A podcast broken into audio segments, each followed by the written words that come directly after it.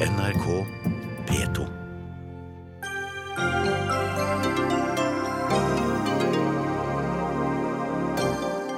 De norske fotballjentene er i verdensklasse, men Norges Fotballforbund nedprioriterer kvinnefotballen, sier Klassekampens Mimir Kristiansson, og møter Fotballforbundet til debatt. Klokka tikker for en brexit-avtale. Blir det deal eller no deal? I dag starter runde to i Brussel. Klima- og miljøminister Vidar Helgesen svikter båteierne og bryter avtalen om vrakpant på fritidsbåter, mener Fremskrittspartiet, og møter Høyre til debatt. Og to barnehageeiere tok ut 71 millioner kroner i utbytte etter barnehagesalg.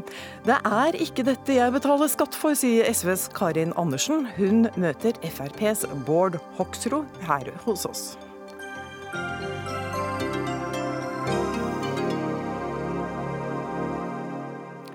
Og med det riktig velkommen til dagens Dagsnytt 18. Jeg heter Lilly Fritzmann.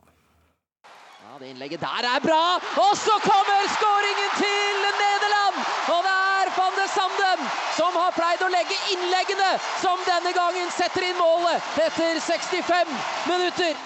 Ja, EM i fotball er i gang i Nederland, og selv om åpningskampen mot vertsnasjonen ikke gikk helt etter planen med et ettmålstap, så er det liten tvil om at de norske fotballkvinnene er i en helt annen liga internasjonalt enn det norske herrelandslaget. Og nå kommer det til dels kraftig kritikk fra flere hold for at Norges Fotballforbund skjevfordeler satsingen. Og Hege Jørgensen, nå leder i Serieforeningen for kvinnefotball. Du har også lang fartstid som spiller, og er med oss fra Nederland der du følger EM.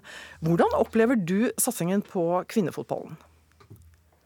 Eh, jo, det, det, det, er jo ikke sånn at Fotballforbundet ikke satser på jentene. Det, det, det syns jeg er viktig å understreke først. Men det som, det som, er litt problematisk, selvfølgelig, det er jo at, eh, at utviklingen internasjonalt nå skjer i en rasende fart. Og vi har jo vært eh, verdensledende i mange, mange år. men men eh, har nok sovet eh, litt i timen. Eh, og Spesielt så er det jo egentlig to ting som er viktig å ta tak i. Det ene er talentutviklingssida.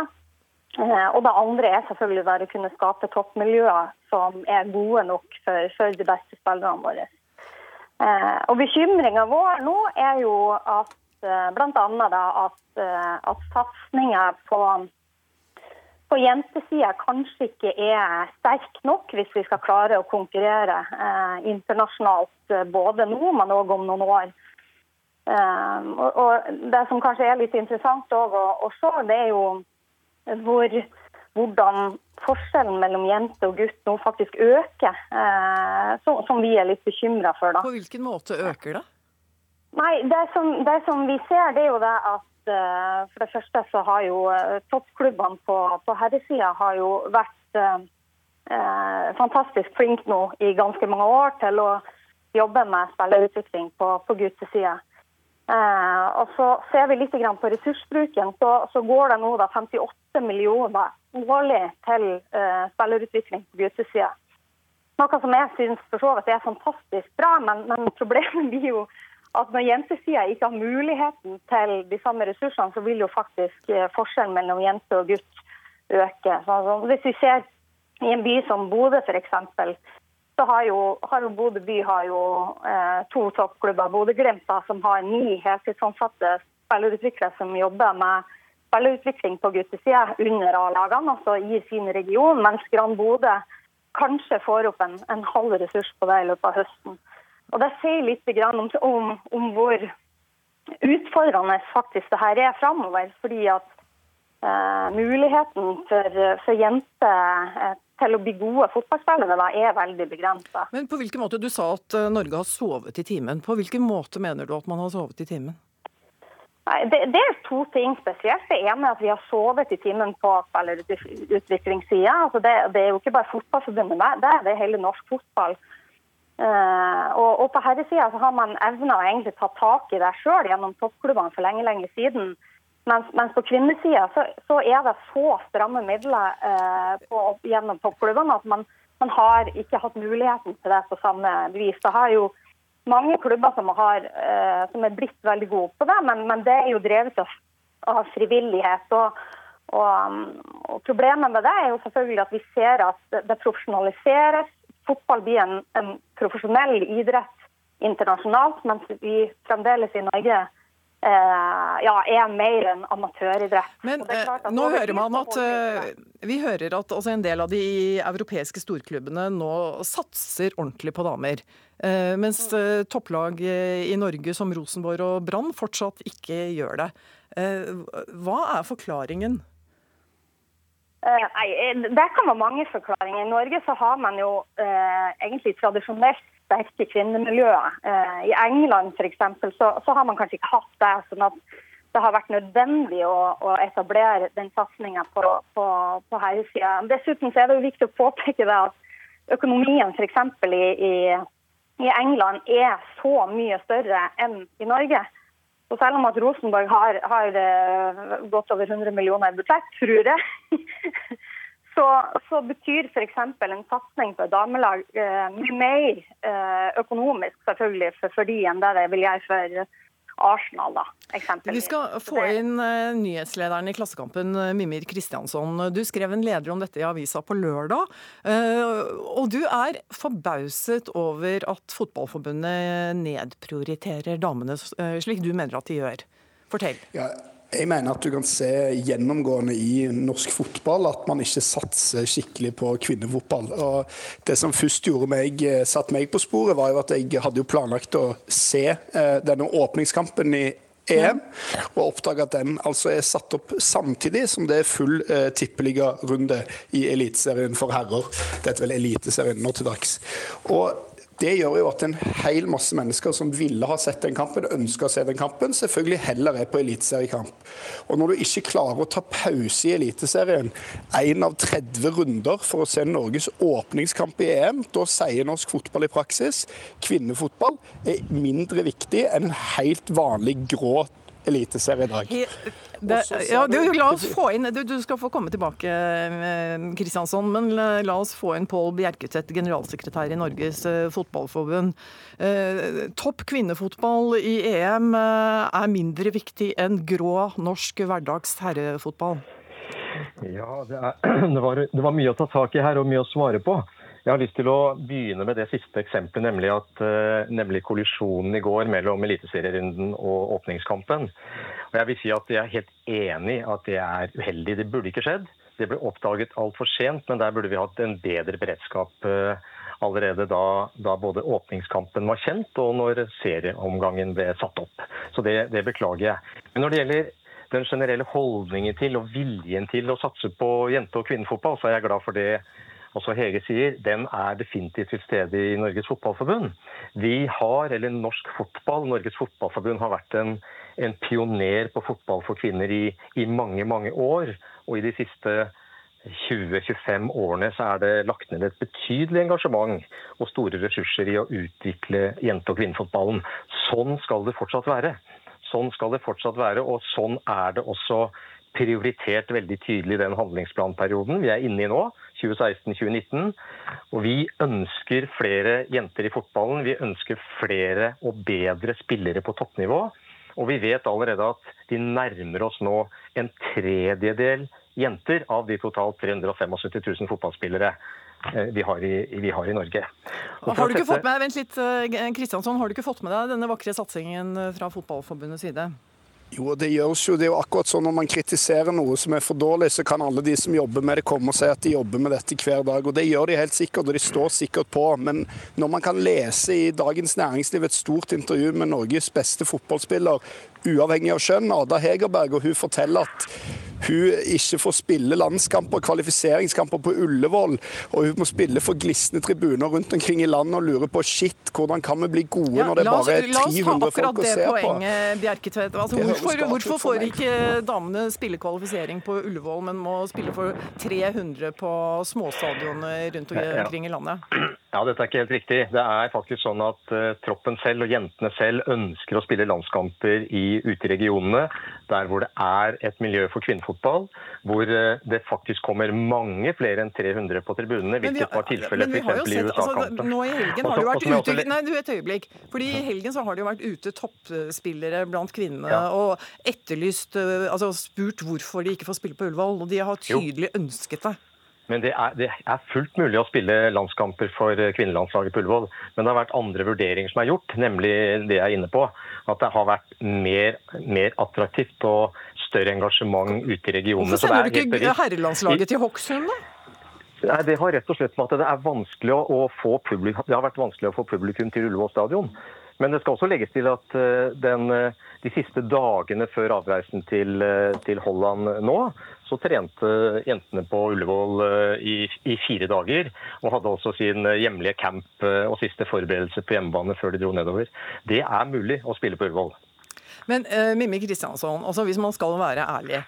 Selv om damefotballen gjør det mye bedre internasjonalt enn herrene, går det an å sammenligne? Altså, er det ikke et helt annet nivå på herrefotball enn kvinnefotball?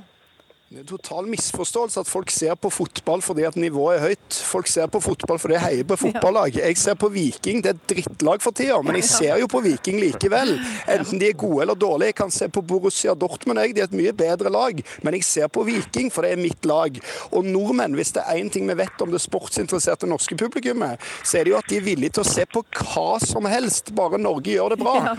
Det ble jo en fektedille bare vi får et sølv i OL. Det ble jo en sjakkdille bare vi har verdens beste sjakkspiller. Og det kunne, mener jeg, vært lagt opp til en sånn fotballdille denne sommeren, der dette er et av de store mesterskapene som skjer. Og den eh, stemningen rundt laget, den mener jeg ikke norsk fotball har vært gode nok til å bygge opp. og det, Både det at man ikke har spilt kvalikkamper på nasjonalarenaen, og dette med at eh, man kolliderer åpningskampen med full runde i Eliteserien, er et sånt eh, tegn på ganske sånn slett satsing. Det er jo et faktum at herrene har rast ned på Fifa-rankingen ranking Altså Sist jeg så, så var de på 88. plass eller noe sånt. All time low. Og Samtidig så hører vi at på Fotballforbundet eh, sitt eh, årsmøte så ville eh, kvinnefotballserien få økt bevilgningene til kvinnefotball, toppkvinnefotballen fra 23 millioner til 29 millioner. Det ble nedstemt samtidig som man bevilget 300 millioner til herrene. Det høres jo ut uh, for oss som ikke er så inne i dette, som det er en uh, mulig skjevfordeling her. Ja, jeg tror det kreves en, en, liten oppklaring. Når det gjelder 300 millioner til herrene, så er ikke det en bevilgning, men det er rett og slett uh, de pengene som går til Eliteserien og Obos-ligaen for som en andel av TV-rettighetene. Altså det, det, det, er penger som tilhører klubbene i de to øverste divisjonene. Der, men der kunne, vel, der kunne det vel vært en ordning som gjorde at eh, kvinnene fikk litt mer der? Jo, men det er faktisk sånn at de pengene som bevilges fra Norges Fotballforbund til toppserien i dag, i, i størrelsesorden 27 millioner kroner, er penger som kommer fra andre inntektskilder enn en kvinnefotballen selv. Det beløpet ble for øvrig økt i 2017, eh, foran 2017-sesongen, med 3 millioner kroner. Så det har aldri vært delt ut eller bevilget så mye penger som nå til disse klubbene. Og får jeg lov til et, bare i ett minutt å sette Nei, ikke ett minutt, du får det ikke. Du, du får ti sekunder. Ti sekunder til å sette det i perspektiv. Jeg vet f.eks. at Holland de bevilger i størrelsesorden fem millioner kroner. Det hørte jeg av presidenten så sent som i går. Og de klubbene vi gjerne, landene mener jeg, vi gjerne sammenligner oss med, England, Sverige, Danmark osv., ligger på det nivået. Så vil jeg si det er antagelig ikke nok til å heve kvaliteten og oppnå enda bedre prestasjoner. Vi ønsker å finne løsninger på å finansiere kvinnefotballen, både bredde og topp, enda mer enn i dag. Du, dette var veldig lange ti sekunder. Vi skal videre til Storbritannia, Bjerke Tvedt, men tusen takk for at du var med i Dagsnytt 18 i dag. Takk også til nyhetssjef i Klassekampen Mimir Kristiansson, og til Hege Jørgensen, leder i Serieforeningen for kvinnefotball. Dagsnytt 18 alle hverdager klokka 18. På NRK P2 og NRK2.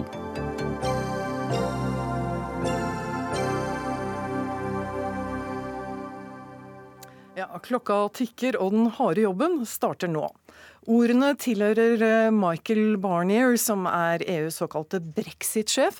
Han leder altså forhandlingene på vegne av EU når britene nå skal ut av unionen. Hans motpart er britenes brexit-minister David Davies, og i dag startet runde to av forhandlingene i Brussel. Eh, nå starter det altså virkelig på alvor, eh, London-korrespondent Espen Aas. Hva er denne harde jobben som Barnier snakker om? Hva er det den går ut på? Første runde handlet først og fremst om å legge rammene for forhandlingene. I dag begynte det virkelig vanskelig, nemlig å snakke om detaljer. Detaljene om hva som skal skje med EU-borgere i Storbritannia og britiske statsborgere i EU-land. Detaljer om denne grensen mellom Storbritannia og Irland, som nå blir en EU-grense. Og også et ganske vanskelig spørsmål. Hvor mye skal egentlig Storbritannia betale til EU før de forlater unionen. Dette er eh, spørsmål som ikke er løst i en håndvending, og som det nå skal forhandles ganske intenst om. Men det var jo dette eh, statsminister Theresa May lovet å rydde opp i. Men nå ser vi at det er veldig mange som lurer på hva i all verden hun egentlig går for. Hva er det hun mener? Og, er, og, og om regjeringen egentlig er enig med seg selv her også.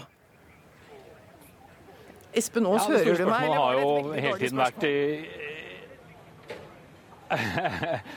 Espen hører deg. Ehm, det jeg skulle til å si, var at uh, Theresa Mays uh, gjennomgangstone helt siden hun tok over som statsminister for ganske nøyaktig et år siden, har vært at brexit betyr brexit. Som har vært en fin eh, slogan, men hva betyr egentlig det? Og etter at hun tapte flertallet i parlamentet her inne i dette etter hvert så berømmelige nyvalget hun utløste, så har dette spørsmålet kommet opp på ny. Hva betyr egentlig brexit? For her inne så er det jo et flertall for at Storbritannia gjerne skulle hatt en slags tilknytning til EU videre. Gjerne en løselig tilknytning til EUs indre marked, mens mange av hennes mest konservative statsråder, hennes mest konservative partimedlemmer, mener jo at det bør skje et tvert brudd med EU 29.3.2019, når tidsfristen for disse forhandlingene er uh, unnagjort. Og nå som hun ikke lenger kan svinge partipisken, nå som andre partier kan blande seg inn når det skal stemmes over store, viktige saker som f.eks. EU, så er det mange mange, inkludert hennes egen finansminister, som ser sitt snitt til å si at hør nå her, kanskje vi trenger en liten overgangsperiode fra 29.3.2019 eh, og kanskje noen år fremover før Storbritannia virkelig er ute av EU. Og betyr det også brexit, eller? Men uh, nå hører vi også at det er altså, mange kjente røster som naturlig nok kaster seg opp uh, i den offentlige debatten i Storbritannia. Deriblant nå i helgen tidligere statsminister uh, Tony Blair, som sier at kanskje det slett ikke er sikkert at britene trenger en brexit. Kanskje man kan få til noe annet. Hva i all verden er dette, Espen Aas? Ja, Tony Blair, eh, både i et eh, lengre intervju med BBC og i en egen kronikk som han skrev, argumenterer med at EU eh, e kan være mye mer på glid enn det Storbritannia forstår i en del spørsmål, ikke minst dette med innvandring, som jo var én av flere viktige faktorer i den store brexit-debatten forut for eh, folkeavstemningen. Men det kan nok være at han foregner seg, for alt handler faktisk ikke om innvandring. La gå at EU eh, e kunne innrømmet eh, Storbritannia en del ting når det gjelder rettigheter, trygderettigheter, arbeidsrettigheter for EU-borgere. Men for veldig mange briter så handler jo dette også om følelsen av suverenitet. Slippe å bli pålagt all verdens EU-regler og bestemmelser fra Brussel. Eh, og dessuten, er Tony Blair egentlig lenger en mann som lyttes på i britisk politikk? Kanskje ikke. Uh, Seniorøkonom i DNB Markets, uh, Knut Magnussen. Altså, nå er det, økonomien er selvfølgelig veldig viktig i dette. Veldig mange økonomer spådde riktig dystre ting for britisk økonomi etter avstemningen. Men har det egentlig gått så dårlig? Nei, det har ikke gått så dårlig. Det har eh, faktisk gått eh, vesentlig bedre så langt enn det de aller fleste så for seg eh, forut for folkeavstemningen. Og det er flere grunner til det. Jeg tror nok én viktig grunn, og det var det mange som spådde riktig om på forhånd, det var nemlig at pundkursen kom til å svekke seg mye dersom man stemte for utmelding av, av EU. Eh, og akkurat det skjedde i etterkant. Og, det er, gir en positiv eh, effekt inn på økonomien, særlig gjennom da økt eksport og, og mer turisme inn til de britiske øyer. Men det var nok også andre faktorer som ble undervurdert her. Og man fryktet jo veldig ja, Man fryktet mye uro i de finansielle markedene. Det roet seg ganske raskt ned. Eh, det skjedde jo bl.a. fordi eh, nettopp Teresa May kom raskt på banen, eh, ble ny statsminister. Og også fordi den britiske sentralbanken satte renten ned så tidlig som i august og sa at de kunne gjøre mer dersom, dersom det var behov for det. Så det var flere grunner til at det ikke gikk så, og så ille. Og eurosonen går det bedre med? Og... Ja, det, det, vil jeg også legge til. At det har gått bedre i resten av Europa mm. det siste året. Og det, det smitter også positivt over på de britiske økonomien. Men økonomene var veldig skråsikre. altså Var det sånn mer for å påvirke valget enn eh, rent faglige analyser som lå til grunn eh, når man har tatt såpass feil? Det, var, det, var, ganske stor spredning i eh, hva skal vi si, anslagene på hvor ille dette vil gå. Og det viser jo at det er, det er vanskelig å, å, spå om økonomien. Ikke minst. Noe politikk var det nok også inne i bildet her. Eh, men man hadde jo også faktisk en liten gruppe av økonomer som ønsket brexit. Eh, og som faktisk da eh, spådde at det ville gå bedre med økonomien dersom man stemte for utmelding. Hvordan kommenteres dette med økonomien i Storbritannia, Espen Aas? Regjeringen har jo selvsagt vært veldig opptatt av å fortelle den historien om at se hvor bra det går med britisk økonomi.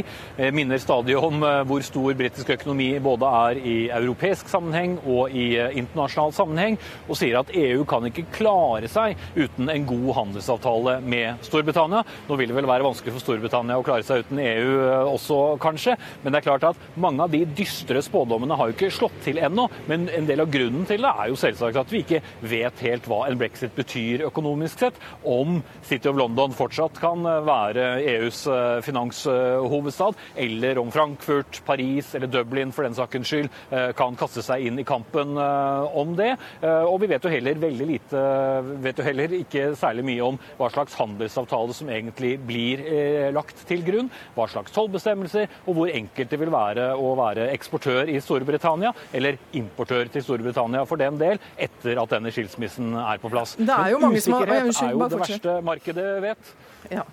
Uh, men det er jo mange som har sagt at vet, og flere jeg har snakket med som ja, Her er det visst litt forsinkelse. Det er veldig forsinkelse, men det går bra, Espen. Bare fortsett, du.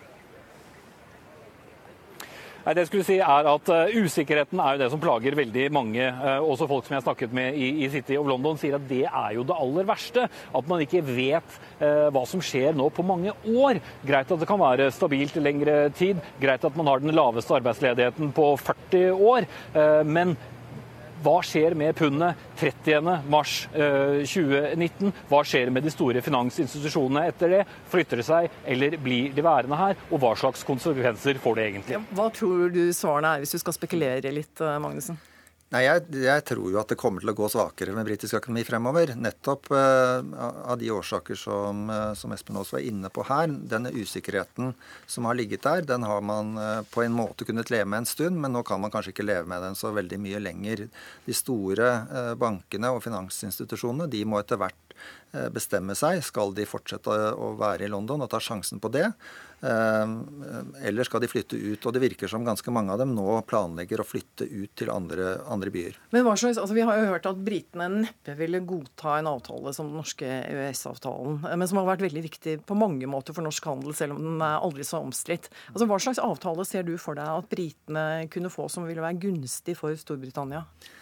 Nei, altså Det er snakk om eh, handelsavtaler her, men det er spørsmål hvor omfattende de avtalene blir. Det vanlige med handelsavtaler er at de omfatter varer. For så greide nå Canada å forhandle seg frem til en handelsavtale som eh, omfatter varer med EU. Men det tok veldig lang tid å få den eh, på plass. Det som britene jo veldig sårt trenger, det er en avtale, avtale, som også omfatter de finansielle tjenestene, som kan sikre på en måte at bankene eh, kan, kan bli værende i London. Det er det veldig vanskelig å tro at de skal kunne få til. Espen Aas, eh, til slutt. Altså, det er jo eh, toppolitikere i Storbritannia som har snakket om at no deal, altså ingen avtale, er en reell mulighet. Eh, hvor sannsynlig er det? Jeg tror det er en eh, ting som er tøffere å kunne si forut for forhandlingene enn det noen egentlig vil tørre å si til slutt. Å forlate EU uten en skikkelig eh, avtale på plass, det ville være en økonomisk krise for Storbritannia. Eh, men det er klart, tiden er utrolig kort, og de vil jo sannsynligvis skrive seg inn i historiebøkene hvis de klarer å komme i mål på den korte, korte tiden som er igjen. Handelsavtaler og EØS-avtaler og andre avtaler tar jo mange, mange år å få på plass, fordi det er så utrolig mye detaljer. Tusen takk skal du ha fra London, korrespondent Espen Aas. Takk også til deg i studio, Knut Magnussen, seniorøkonom i DNB Markets.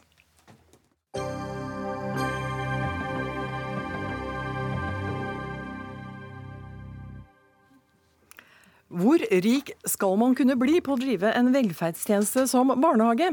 Se, det setter sinnene i kok. I dag forteller Dagens Næringsliv om barnehageselskapet Idrettsbarnehage, som solgte tolv barnehager for 160 millioner kroner i fjor. De to eierne tok ut 71 millioner i utbytte og betalte ut 9 millioner kroner i styrehonorar. Og Karin Andersen, stortingsrepresentant for SV, dette får deg bokstavelig talt til å se rødt. Hvorfor det? Jo, fordi eh, vi driver jo barnehager fordi det er eh, bra for unga, og fordi foreldre trenger å ha et trygt sted å ha unga sine når de er på jobben.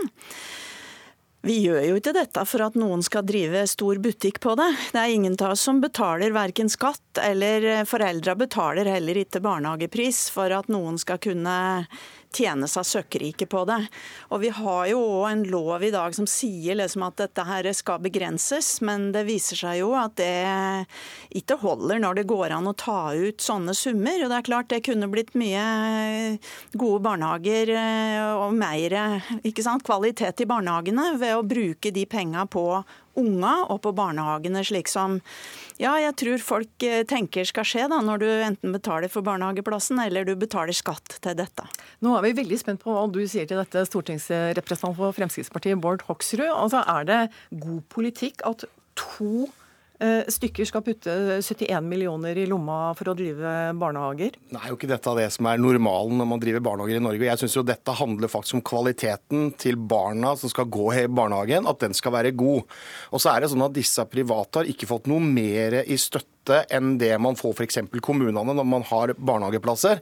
Så det som er litt... Men de putter ikke i egen lomme? Nei, men, de, men, poenget mitt er jo at hvis man klarer å både levere like god kvalitet, at foreldrene ønsker å ha barna sine der, eh, og allikevel kan ta ut et overskudd, ja så er det på mange måter Dette er gründere, dette er mennesker som ønsker å jobbe med barn, ønsker å jobbe med omsorg på samme måte som det er i eldreomsorgen, som brenner og har et brennende engasjement for det, men de klarer å gjøre det på en billigere måte enn det kommunen gjør. Og Da må det være mulighet til å kunne ta ut et utbytte Og Jeg synes Det er litt sånn, det spesielle her er at ingen vil stille spørsmål om en rørlegger eller en snekker eller andre som bygger en barnehage, skal kunne ta ut et utbytte. Men når man skal drifte det, så skal man altså ikke få den muligheten. Og veldig mange som driver private barnehager, det er kvinner eh, som ønsker å være gründere, som ønsker å få til noe. Og Det er det definitivt, Karin Andersen. Det er mange kvinner det, som driver barnehage og er stolt av det. Hva er galt med å tjene penger på barnehage? Man skal jo tjene penger på det man lever av her i landet. Ja, men eh, barnehager er ikke det samme som en rørlegger. Det er en grunnleggende velferdsordning som vi har vedtatt skal være en rettighet for unga. Men hva er forskjellen på de som bygger selve barnehagebyggene og de som driver det? Det er ingen som har en rettighet til å bygge en barnehagebygning, men Nei. unger har rettighet til en barnehageplass, og vi betaler skatt, og foreldra betaler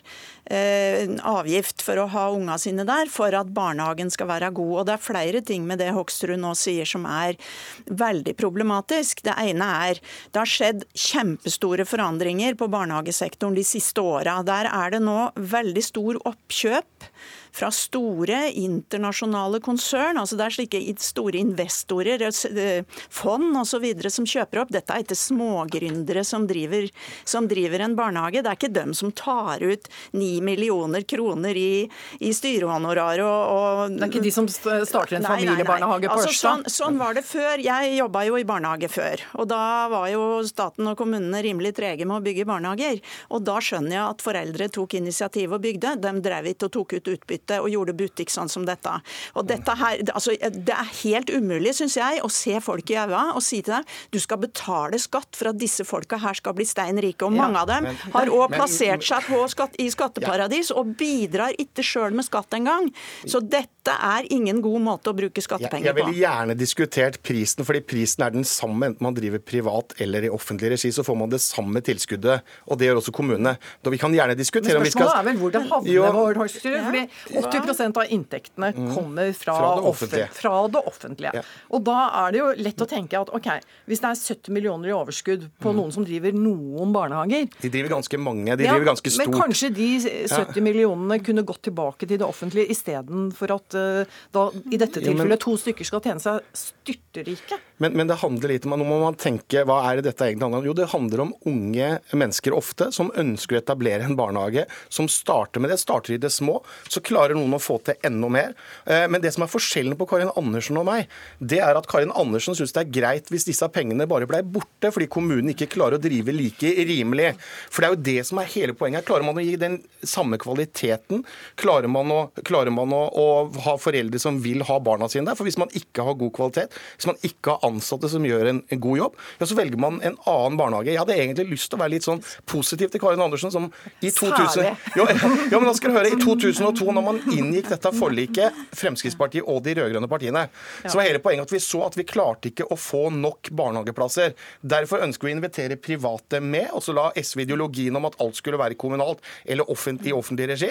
Og så sier vi at det er bra, da kommer private også inn. Så kan vi sørge for å gi gode barnehageplasser. Det er ca. 80 000 flere barn i barnehage i dag enn det var den gangen. Og vi har nesten full, barnehagedekning. Jeg vil bare innom et lite spørsmål. Karin Andersen. For dere satt jo, så vidt jeg kan huske, i regjering en del år. Og da var barnehageløftet var SVs store stolthet. Mm, mm. Noe dere innrømmet veldig tydelig ikke hadde gått uten private barnehager. Nei, og på den tida så var jo de fleste private barnehager foreldredrevet. Og, og sånne småbarnehager som Hoksrud, som Hoksrud nå snakker om. Og det er ikke det som er problemet. Det er sånne saker som Dagens Næringsliv i dag tar opp som er problemet. Og det som er forskjellen på barnehager, for vi har jo spurt eh, Utdanningsdirektoratet hva det er som er forskjellen på barnehagene. Og det er at de kommunale barnehagene har bedre bemanning. De setter bl.a. inn vikarer. De har eh, ordentlig pensjon og lønn, altså bedre pensjon og lønn. Og det er mulig Hoksrud mener at de som jobber i barnehage har for god pensjon. Jeg har jobba der, så jeg veit at det ikke er sant. Og det ligner ikke det hele tatt på det du og jeg har nå. Og det siste er at eh, de kommunale barnehagene har mange flere barn som trenger spesialpedagogisk oppfølging. Det koster mye penger. Derfor er de kommunale litt dyrere enn de private. Og de private tar altså penger ut for å ha færre vikarer når, noen av de voksne er syke, og for at de ansatte der skal få dårligere pensjon. Har du ikke fått med deg denne elendigheten, Hoksrud? Nei, altså Det er definitivt ikke den elendighetsbeskrivelsen Karin Andersen kommer med nå. Men det er veldig da, lett da, å tenke at det er helt logisk men, at de som vil tjene penger, de erstatter kanskje ikke så mye sykefravær f.eks. som i en kommunal barnehage. Men, det er altså sånn at foreldrene har faktisk en valgfrihet til å kunne velge en annen barnehage. Hvis det er sånn som Karin Andersen sier, at det er så forferdelig disse private som driver eh, barnehage, at det er sånn at det er forskjell på hvilke, hvilke barn man har der. Altså, i, i, min kommune så er det kommunen som bestemmer hvem som skal være i privat og hvem som skal være i offentlig barnehage. Over 50% av barnehagene er altså private i dag. Og veldig mange av det er kvinner som ønsker å starte sin egen bedrift, men de er opptatt av å være i et omsorgsyrke. De ønsker å jobbe med barn. Men altså SVs politikk er at det skal dere ikke få lov til lenger, fordi alt skal være kommunalt. Eh, men, det er jo eh, utgangspunktet til SV, og det syns jeg er veldig trist. Men Karin Andersen, vi må få én eh, ting her, og det er SVs løsning. Altså Skal dere forby private barnehager? Skal dere forby utbytte sånn som det er på skolesekt i ja, skolesektoren, syns, eller hva vil dere? Vi syns at det som er på skolen i dag, er en god ordning. Og der er jo alle enige om at vi ikke skal bruke de penga vi bevilger til skole. At noen skal kunne sitte og stikke sugerøret sitt ned og der ta ut millioner som skulle gått til opplæring og undervisning. Så det systemet mener vi er bra. Og et av de problemene som man overser nå når man ikke vil se at det er store internasjonale selskaper som kommer inn her, er jo at de er veldig flinke til å organisere seg i de rareste underselskaper. Og de, de fører på kryss og tvers eh, penger mellom disse ulike selskapene. Og det er fryktelig vanskelig for en kommune eller for Fylkesmannen å sitte og kontrollere dette. Vi vet jo at Økokrim hogger jo i stein når de skal undersøke hvor det blir av penga i noen av disse selskapene. Så det er en, da må man bygge opp et kjempebyråkrati hvis man skal kunne kontrollere dette. Så det men, vi, men la oss få inn, det, vi nærmer oss slutten. Ja, altså, Dere kunne holdt på lenge. Jeg, jeg, jeg, det er litt på Karl Andersen. De satt altså med regjeringsmakt i åtte år, de gjorde ingenting med dette. De syntes dette eh, var greit, de, de, de men, summene som lå der. Og, og Karin Andersen har flere ganger sagt at dette var SVs store sak. Vi klarte å sørge for full barnehagedekning. Det er Fremskrittspartiet helt enige om. Og så mener vi at vi skal være opptatt av hvordan pengene blir brukt. Men hvorfor skal det være forskjell på barnehage og skole?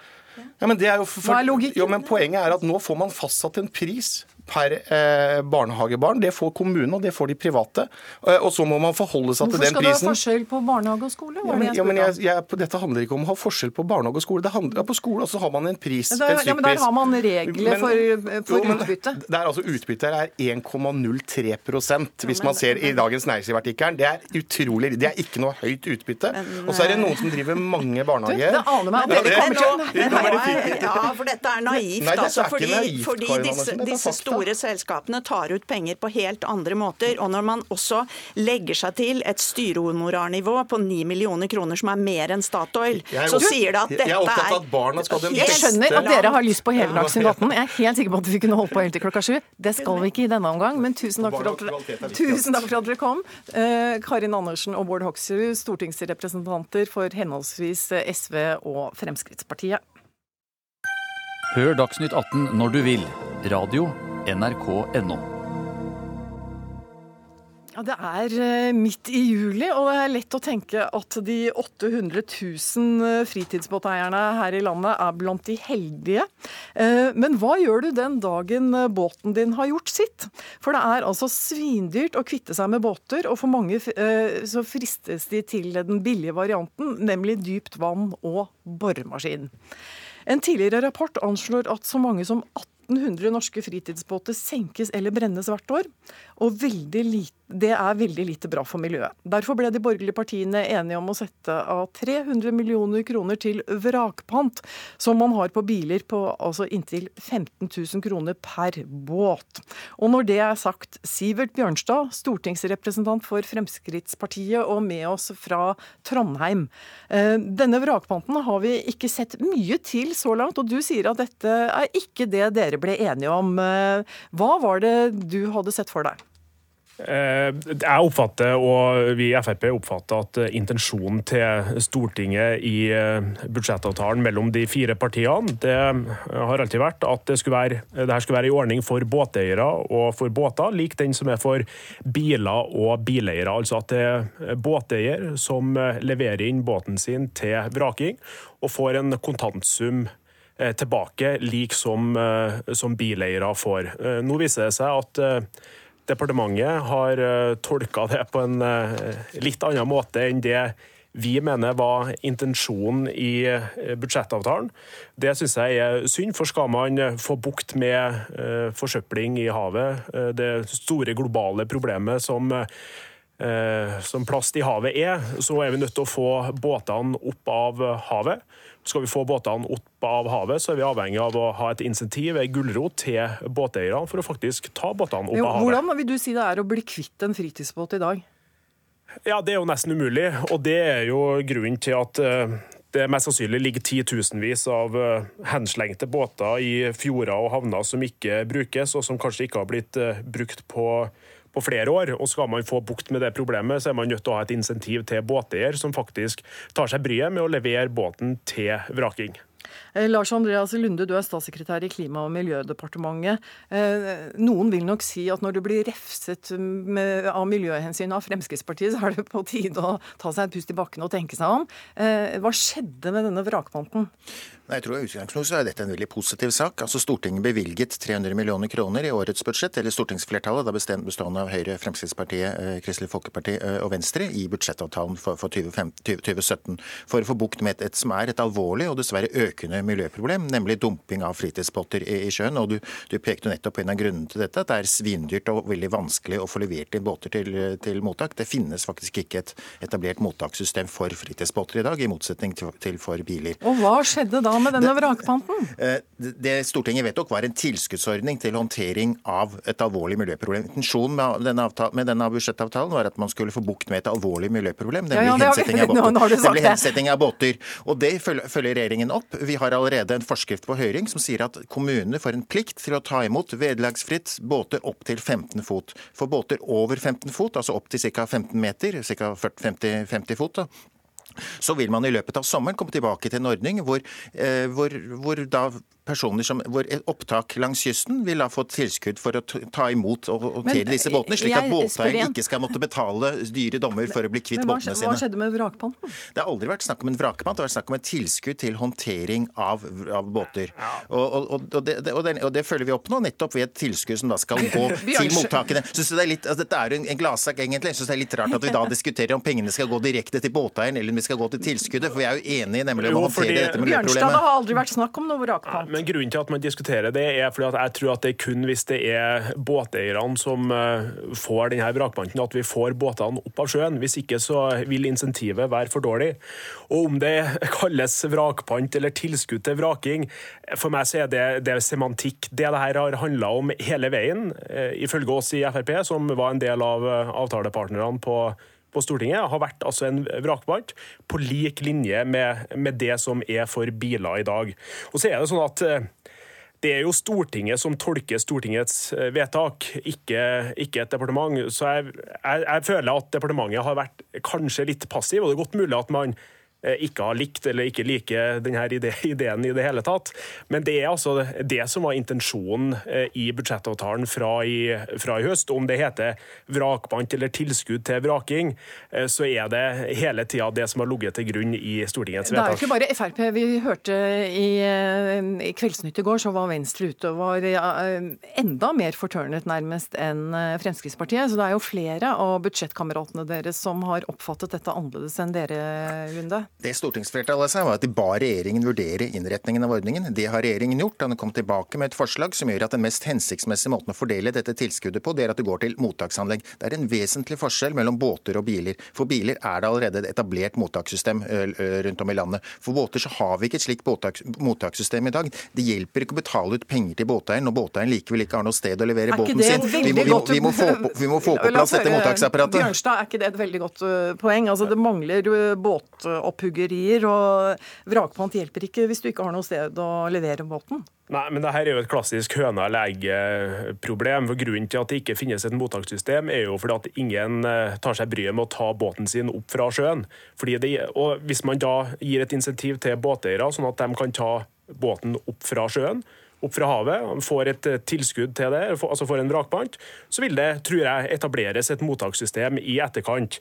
Så det å si at det, eh, si at det ikke finnes fordi eh, det ikke finnes, det blir litt rar argumentasjon. Jeg tror at med en gang man får et insentiv til å ta båtene opp fra sjøen, så vil det også dannes et marked. Er ikke det helt naturlig, Lunde? Jo da, men det insentivet ligger på det at man nå kan håndtere båten på en lovlig måte uten at dette skal koste skjorta, at man betaler dyre dommer for det. Og Vi betaler da et tilskudd for å få opp dette mottaksapparatet. Og Det er gode grunner til at det bør gå dit, bl.a. i forhold til kriminalitet. Vi må ha en ordning med, med hvilke båter som faktisk blir levert til mottak. Ja, vært, hva er det dere har vært redd for der? For, det... for, først at ikke utenlandske båter skal leveres, for vi skal håndtere et norsk problem. Men kanskje enda mer er at ikke stjålne båter Polen og Estland ja, og levere, levere stjålne båter. At det blir, for å få penger. At det blir østeuropeiske ja. kriminelle som får disse pengene. Pengene skal gå til å rydde opp i norsk ja. forurensning, og ikke til å finansiere østeuropeiske kriminelle. Jo, men, men, men altså, kriminaliteten her er jo ikke noe problem. Altså, det kan være så enkelt som at du viser fram en kjøpskontrakt på båten for å få den vrakpantordninga. Det, det her er problemer som helt klart og åpent lar seg løse hvis man legger litt energi i å, å få til et regelverk som er fullt mulig å håndtere. F.eks. ved å vise fram en kjøpskontrakt, f.eks. ved å vise fram et forsikringsbevis, eller at man er medlem av et frivillig båtregister. Det der er virkelig problemer og utfordringer det er mulig å løse i Norge i 2017. Ja, det er fullt mulig å løse det i Norge i 2017. Det er derfor vi har foreslått en ordning som løser dette, dette ved at pengene går direkte til tilskudd til mottaksanleggene, slik at vi får løst dette problemet. Hvis man skulle betalt til båteieren, så måtte båteieren selv ha finansiert både transport av båten til mottaksanlegget og betale mottaket for å, for å håndtere dette. Vi betaler nå de pengene direkte til mottaket at, og, og, til transporten, slik at båteieren vederlagsfritt kan bli kvitt båten sin på en lovlig og miljø, miljøforsvarlig måte. Da sier vi tusen takk for at dere var med i Dagsnytt 18. Lars Andreas Lunde, statssekretær i Klima- og miljødepartementet, og Sivert Bjørnstad, stortingsrepresentant for Fremskrittspartiet.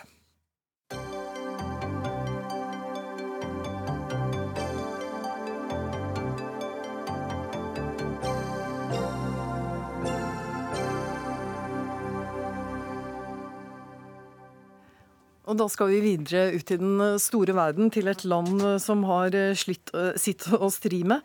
2017 er i ferd med å bli et av Mexicos blodigste år på lenge. Bare hittil i år er over 10 000 mennesker drept i narkotikakrigen mellom ulike grupperinger eller karteller. Og blant de siste ofrene var fire søsken under ti år og foreldrene deres, som ble funnet gjennomhullet av kuler i delstaten Vera Cruz.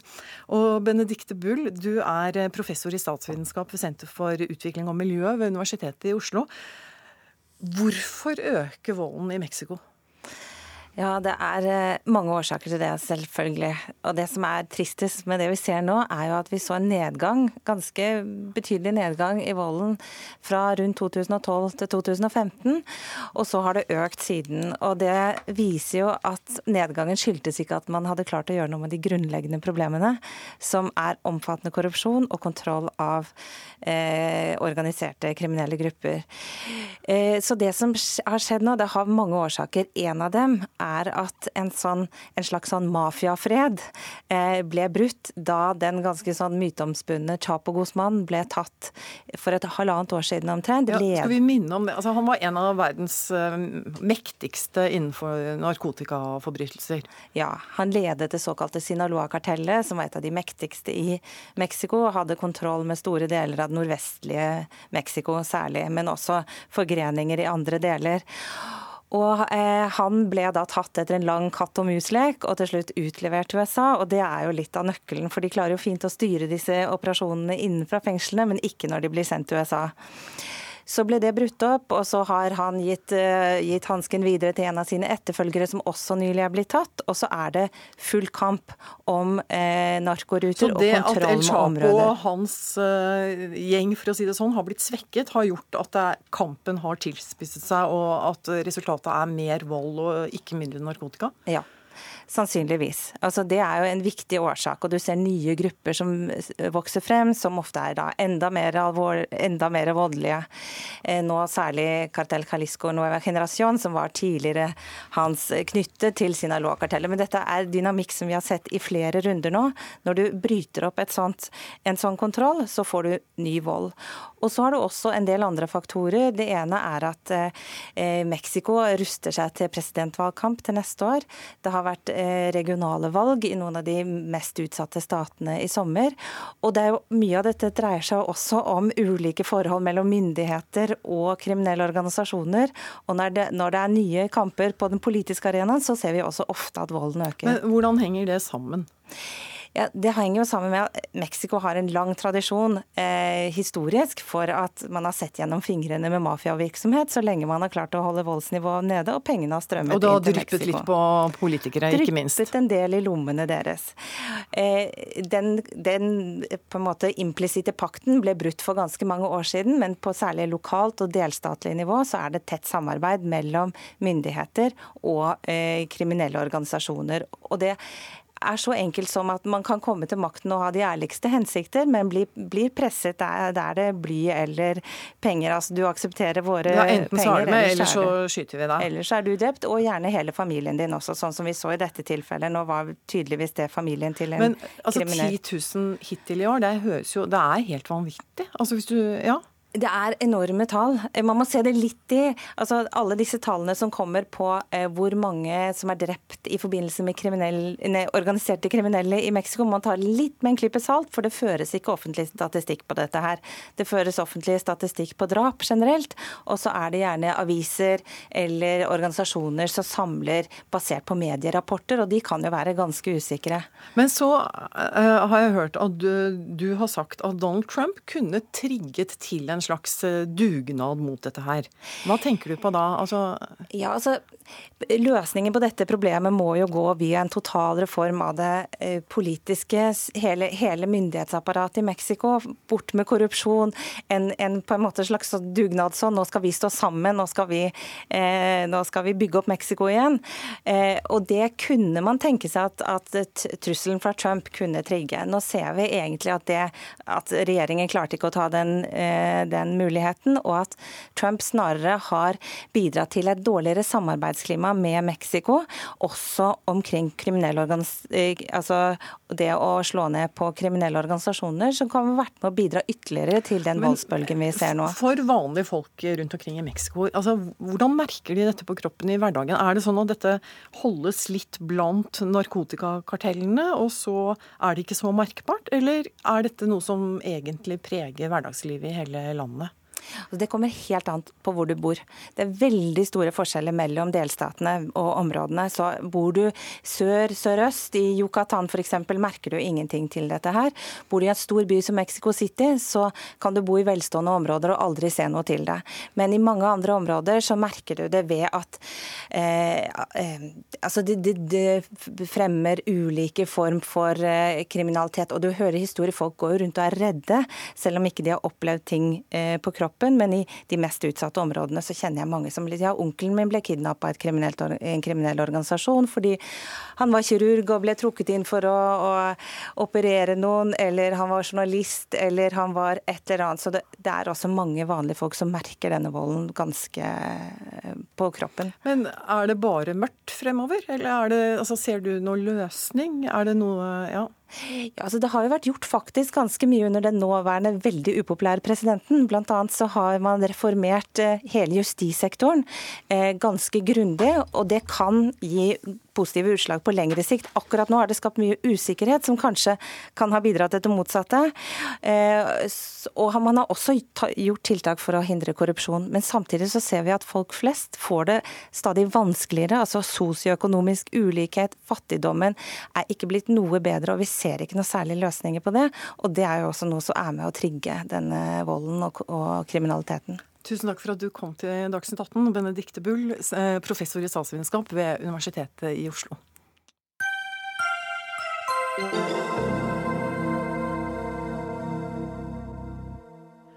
Kreftlinjen er en hjelpetelefon for kreftrammede pasienter og pårørende, og den har hatt sterkt redusert kapasitet siden mai.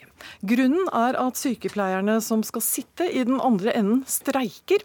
Og da Kreftforeningen skiftet arbeidsgiverorganisasjon, ble nemlig ikke sykepleiernes tariffavtale med på lasset, og det ville ikke Sykepleierforeningen gå med på. De 20 sykepleierne har nå streiket i åtte uker. Det er altså foreningens lengste streik noensinne. Og Eli Gunhild By, du er leder i Norsk Sykepleierforbund. Eh, hva er det dere mister som gjør at det er verdt å gå inn i en rekordlang streik? Ja, det er to tingene som er hovedårsaken til at vi valgte å gå til det alvorlige skrittet å ta våre medlemmer ut i streik, er at vi ikke fikk noen minstelønnssatser, og at vi heller ikke fikk noen streikerett på den avtalen.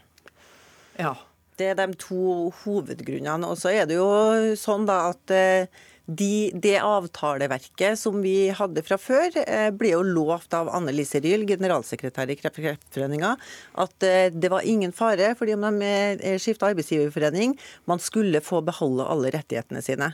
Men den avtalen som vi ble tilbudt, den er altså ikke eh, lik den som er fra før, og har mye dårligere vilkår enn det vi alltid har hatt der. Organisasjonssjef i Kreftforeningen Jakob Konradi, hvorfor får ikke sykepleierne beholde tariffavtalen sin? Ja, Det stemmer jo ikke at uh, man ikke får videreført de lønns- og arbeidsbetingelsene som vi hadde i uh, den forrige arbeidsgiverorganisasjonen vår, eller i Virke.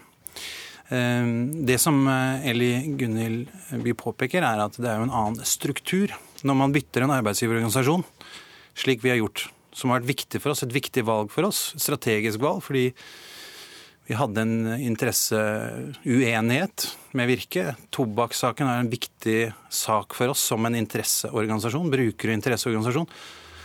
Og Således så måtte vi ta et valg om å finne en annen arbeidsgiverorganisasjon som, som i større grad reflekterte helheten av, av det Kreftforeningen skal være og i, i, tiden som kommer. Men eh, NHO representerer vel også bedrifter som eh, selger tobakk? Ja, og, og det, det, argumentet har vi også hørt mange ganger før.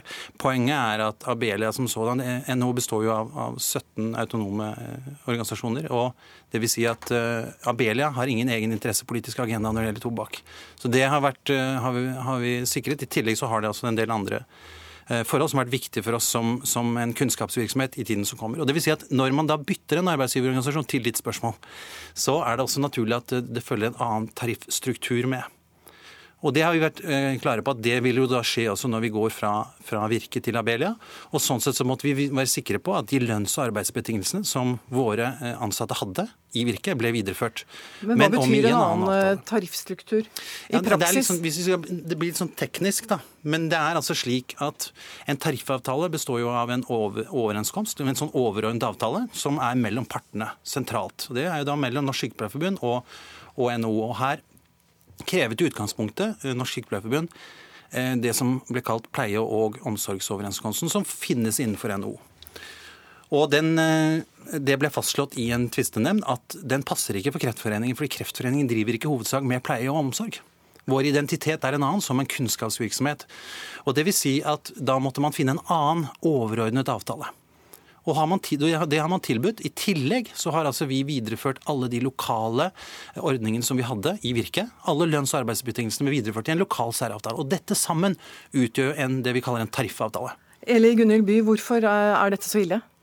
Ja, Dette er eh, ille, og det handler nettopp om den strukturen. Det er sånn at eh, Eh, avtalen i NHO, eh, den sentrale avtalen mellom NHO, nei, Kreftforeninga og Sykepleierforbundet, eh, den er helt overordna. Den inneholder ikke elementer som f.eks. minstelønnssatser. Og så er det sånn at Den avtalen den skriver man under for to år, som man gjør i alle hovedoppgjør. Men så er det sånn også at arbeidsgiver underveis i marsjen gjennom de to årene kanskje har behov for å endre på avtalen avtalen. Og da er det sånn at, men, men, eh, det sånn at våre medlemmer, og vi har da altså ikke mulighet til å streike på det. Da må vi vente eh, i to år på å få på, på, på noen påvirkning i hvordan denne avtalestrukturen skal være. Konradi. Ja, Det kan du si. Hvis du, hvis du fremlegger på måten med at man ikke har streikerett, så stemmer det jo ikke. Altså, Den streikeretten er lovfestet. Den har man helt klart i forhold til hovedavtalen. og det vil si at Den diskusjonen rundt særavtalen og lengden på den har vi også vært med på å diskutere. Det vil si at Ingen seriøs arbeidsgiver vil endre på de vilkårene man blir enige om. Dette dreier seg om at ikke NSF har tillit til at lokale partene, altså Kreftforeningen som arbeidsgiver og eh, Sykepleierforbundet sammen med de andre forbundene i Kreftforeningen, kan finne fram til gode avtaler for seg som passer for Kreftforeningen. Poenget her, jeg tror det er viktig å si at dette er, dreier seg om at Sykepleierforbundet har altså ikke en, funnet en avtale som passer for sykepleiere som jobber utenfor det som vi kaller tradisjonell pleie og omsorg. Og det har man jo stadfestet. Det er dere som ikke har funnet en ordning? Nei, det er jo ikke sånn. Eh, eh, og så er det sånn at disse sykepleierne, altså våre medlemmer som er ansatt i Kreftforeninga, de er de lokale parter. De har vi full tillit til, og det vet eh, Kreftforeninga og Konradi meget godt. De gjør en fantastisk jobb hver eneste dag.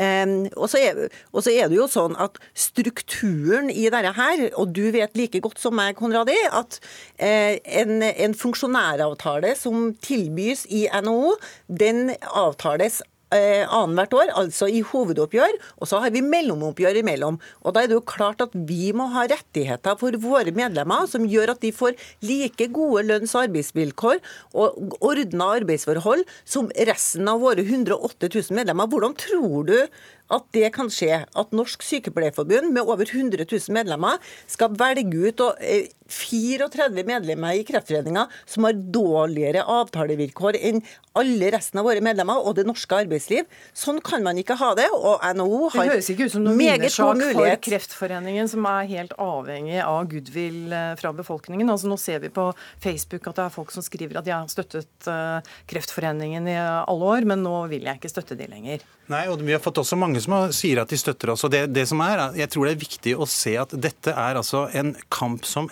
NSF fører fordi de er uenighet om en tariffstruktur.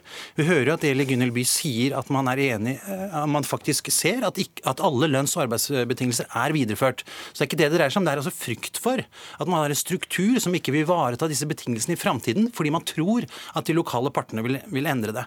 Og Det har også uh, By sagt, og det er, synes jeg, en viktig presisering. fordi vi, det skapes et inntrykk av at vi er en useriøs arbeidsgiver, når vi i realiteten viderefører alle arbeidsbetingelsene. Og Da er det litt spesielt, for jeg, jeg, har respekt for at, at, NSF har en interessepolitisk kamp, og at de ikke tror på lokal lønnsdannelse, og at de mener at lønnsdannelsen skal skje sentralt. Men da må de være ærlige på det, og ikke si at Kreftforeningen kjører altså sine eh, lønns- og arbeidsbetingelser ned. For det gjør Der dem ikke. må vi si takk til deg, Jakob Konradi, organisasjonssjef i Kreftforeningen, og leder i Sykepleierforbundet, Eli Gunhild By. Så får vi vente i spenning og se hvor lenge denne rekordlange streiken varer. Ansvarlig for denne sendingen var Jaran Mikkelsen. Teknisk ansvarlig Lisbeth Sellereite. Jeg heter Lilly Fritzmann.